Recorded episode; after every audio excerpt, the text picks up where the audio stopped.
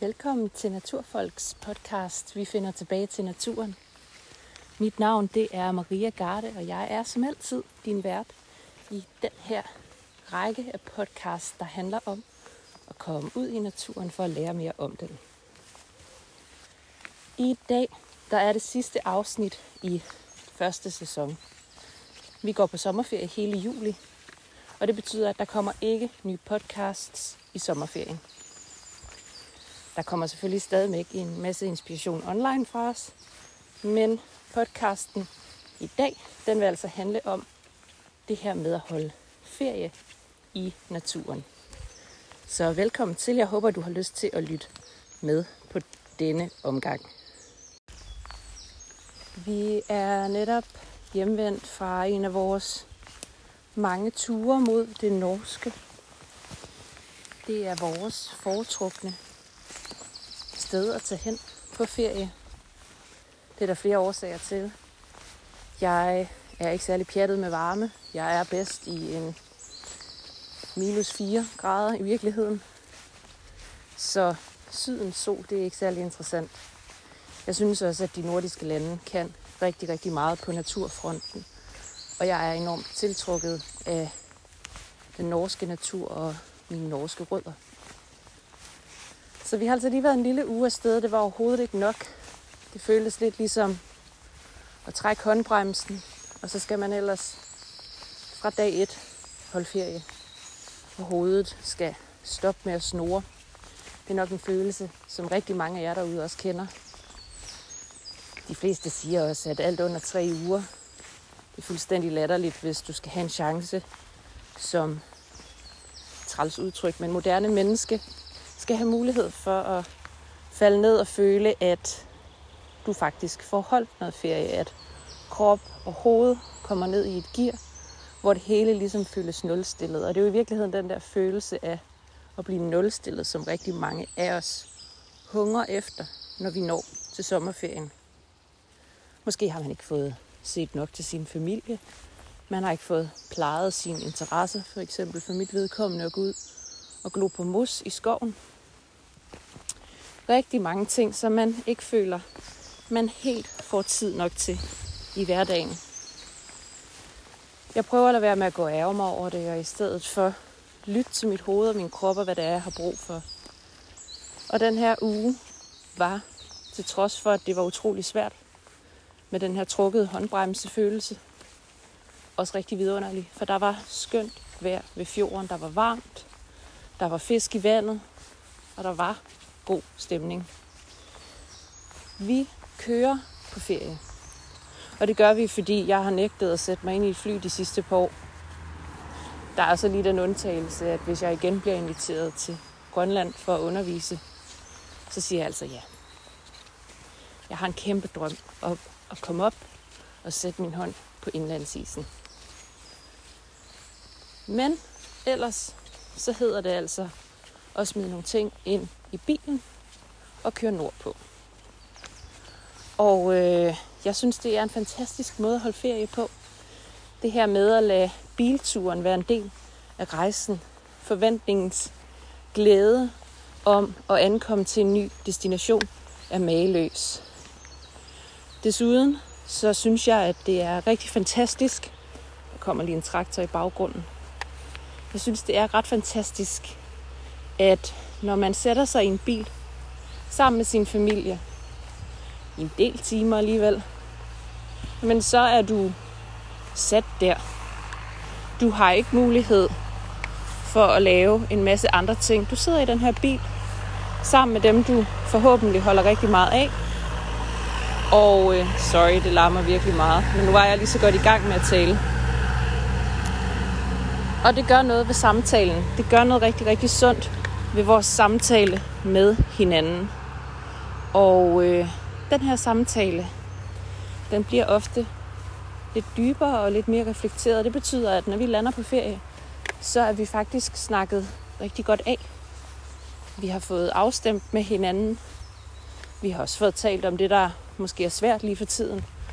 Og det betyder, at man skal ikke til at dele med en hel masse, når du kommer til det her fantastiske paradis, du har glædet dig til. med en masse gode oplevelser, der har du haft mulighed for ligesom at ja, sådan finde balancen på en eller anden måde. Det har vi i hvert fald. Ferie i naturen er fantastisk. For manges vedkommende betyder det selvfølgelig, at man skal ud og opleve noget nyt, ud og opleve nogle områder, som man aldrig har befundet sig i før. At holde ferie i naturen, det kan være på mange forskellige niveauer.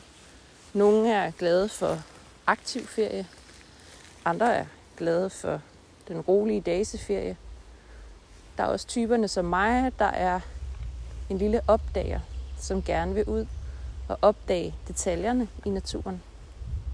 Så jeg har som sædvanligt alle mine nørdede bøger med mig, min sankekniv og plantenet og så videre, så jeg virkelig kan få nogle ting med hjem og nærstudere.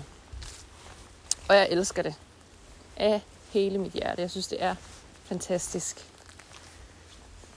Vi kørte forbi et område, hvor der var river rafting. Det var omkring Foss, som jo er at man siger, Norges hovedstad for ekstremsport. Og øh, jeg kunne ikke forestille mig noget værre. Altså, det vil være helvede på jord at sætte mig i sådan en dum gummibåd med en hjelm på. For mig er det ikke ferie i naturen. Og derfor er det ikke den type ferie, jeg vil omtale her i. Det er ikke aktiv ferien, øhm, hvor man skal ud og have noget action i naturen. Det har I måske også fornemmet på min tidligere podcast, så jeg er ikke så glad for den tilgang til naturen, hvor vi igen ser naturen som noget, vi bare kan bruge, uden den store respekt for, hvad kan man sige, omgivelserne, for dyrene, for økosystemet.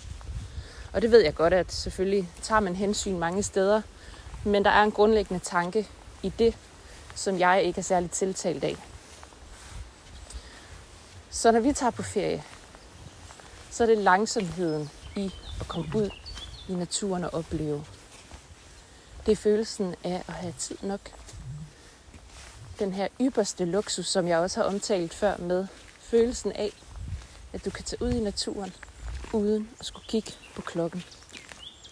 Du kan bruge, hvad kan man sige, solen som, som dit ur. Du kan kigge op på himlen og konstatere, at solen står ret højt, og jeg er forresten sulten, så det er nok frokosttid. Men derudover, så har du altid i hele verden. Det er den ypperste luksus i hverdagen.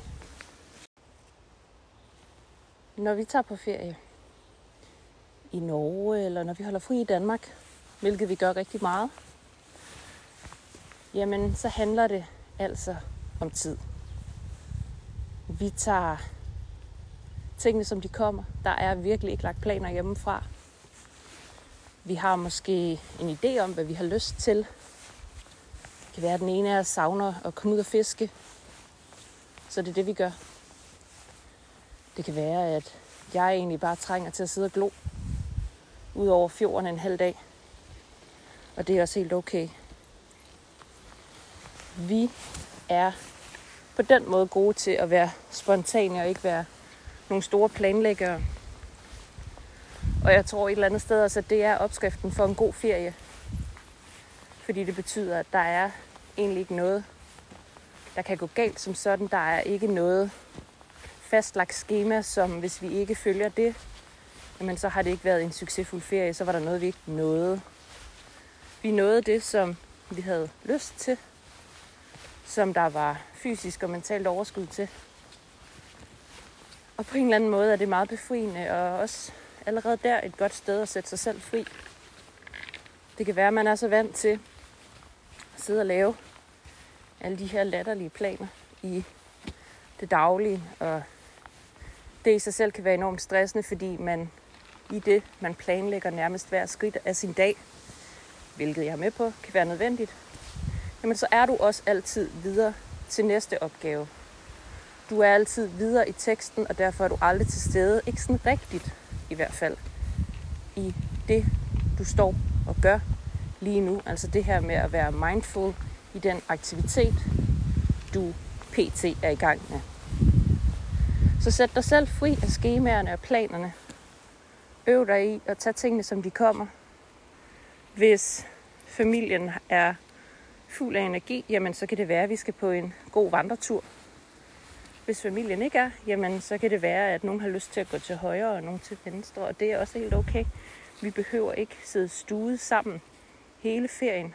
Det er ikke nødvendigvis det, der definerer en god ferie, selvom vi ofte siger, at det er samvær med de nærmeste. Men det er med respekt for den enkelte og den enkeltes behov. Det synes jeg er meget vigtigt at tage med. Så vi øver os i ikke at have nogen planer, eller for os har det aldrig rigtig været et problem, men tag tingene, som de kommer. I Norge, der betød det for eksempel, at der var ret varmt, og som jeg lige har nævnt, så er jeg ikke god til varmen. Det er vores hund i virkeligheden. Heller ikke, han er halv isbjørn, tror jeg. Så vi tog ikke på nogen lange vandreture. Vi sejlede ud på fjorden i stedet for, for der var køligere, og man kunne hoppe i vandet. Men vandreture i 28 graders varme, det var altså bare ikke lige sagen. Og jeg havde ellers jeg havde taget alt mit grej med, og den store taske og alt, hvad der skulle pakkes, for det bare blev rigtig fedt. Men der var ikke lysten til det. Der var virkelig ikke energien til det. Og så skal man ikke gøre det. Vi når det nok en anden gang. Der er også masser af gode vandreture herhjemme. Vi har snakket om, at vi skal tage en lille bid af noget af hervejen her i sommeren. Der er så mange gode ruter herhjemme, så man kan jo også gemme nogle af oplevelserne til det danske, hvis du altså har planer om overhovedet at tage udenlands i den her sommer. Men bare husk, at fordi du har sat næsen op efter det, er det ikke nødvendigvis en god idé, når du står i øjeblikket. Vi brugte rigtig lang tid på også at studere fuglene og lydene og lyset og klipperne i det område, hvor vi var. Vi var på grund af vores forretning med naturfolk ude og besøge et par leverandør, og det betød blandt andet, at vi kom godt op over et fjeld, hvor der var gude, smukt og goldt, mindede mig en lille smule, lille bitte smule om noget islandsk landskab, lige der hvor vi var. Det hele var mørkegråt og hvidt af sne, der stadig lå. Det gør der jo mange steder stadig deroppe. Det var fantastisk et slags månelandskab, så bart og råt var helt vidunderligt. Og sådan et sted stoppede vi. Det kunne vi også se, der var en masse andre, der gjorde på ruten. Nogle gjorde det for at tage billeder, nogle gjorde det for at strække benene, nogle gjorde det for at gå ud og mærke på den smeltende sne. Stik fødderne i det iskolde vand og nyde den variation, som landskabet bød på. Vi tog en anden rute, end det der egentlig var planlagt, fordi vi synes, at det kunne godt være, at den var en time længere, den rute vi valgte, men det virkede bare som en god idé. Og vi havde en fornemmelse af, at hvis vi blev ved med at følge den her vej, så ville der være noget rigtig, rigtig spændende. Og det var der også. Der var nogle fantastiske vandfald og nogle fantastiske klippefordybninger og helt generelt en mageløs tur. Og det var altså sådan, at vores øh, vandretur kom til at tage sig ud. Det var inde i bilen, fordi der var så frygtelig varmt. Det var stadigvæk en skøn oplevelse. Vi kom stadigvæk ud og mærkede på nogle områder. Vi fik ikke så mange kilometer i benene, men det gjorde ikke noget. Oplevelsen var fantastisk. Og vi fik det, vi kom efter. Vi fik tid med hinanden. Vi fik skønne naturoplevelser. Vi fik ro. Herhjemme, hvor vi skal tilbringe i hvert fald den næste måned. Vi skal til Norge igen i sensensommeren og helt klart til efteråret, som er min favorit. Øhm, der skal vi bare hygge os. Vi har ikke nogen store planer. Vi skal ud og sejle. Vi har en båd, så vi har talt om, at vi skal sejle til en af øerne. En af dem, der forhåbentlig ikke er så meget pres på, så det bliver nok ikke Samsø. Desværre. Øhm, vi skal jamen, gå en tur, Vi skal sejle ud og slå telt op et sted og overnatte en, en enkelt nat og tage tilbage igen. Vi skal bygge et hegn omkring vores jordbærhave så råvildtet ikke kommer og spiser det hele. Der er masser af gode udeprojekter, hvor fællesnævneren igen er, at vi har tid nok. Vi gør det, når vi har lyst. Og på en eller anden mærkelig sæt og vis, så betyder det, at vi ofte når det hele i en helt random rækkefølge, og nogle gange tager tingene lidt længere tid, end hvis man havde timeboxet det hele. Men hele processen bliver sjov, den bliver spontan, og den bliver levende.